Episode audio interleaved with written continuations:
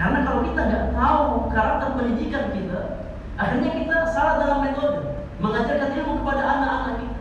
Ya kita hanya fokus mentalkitkan dia. Ya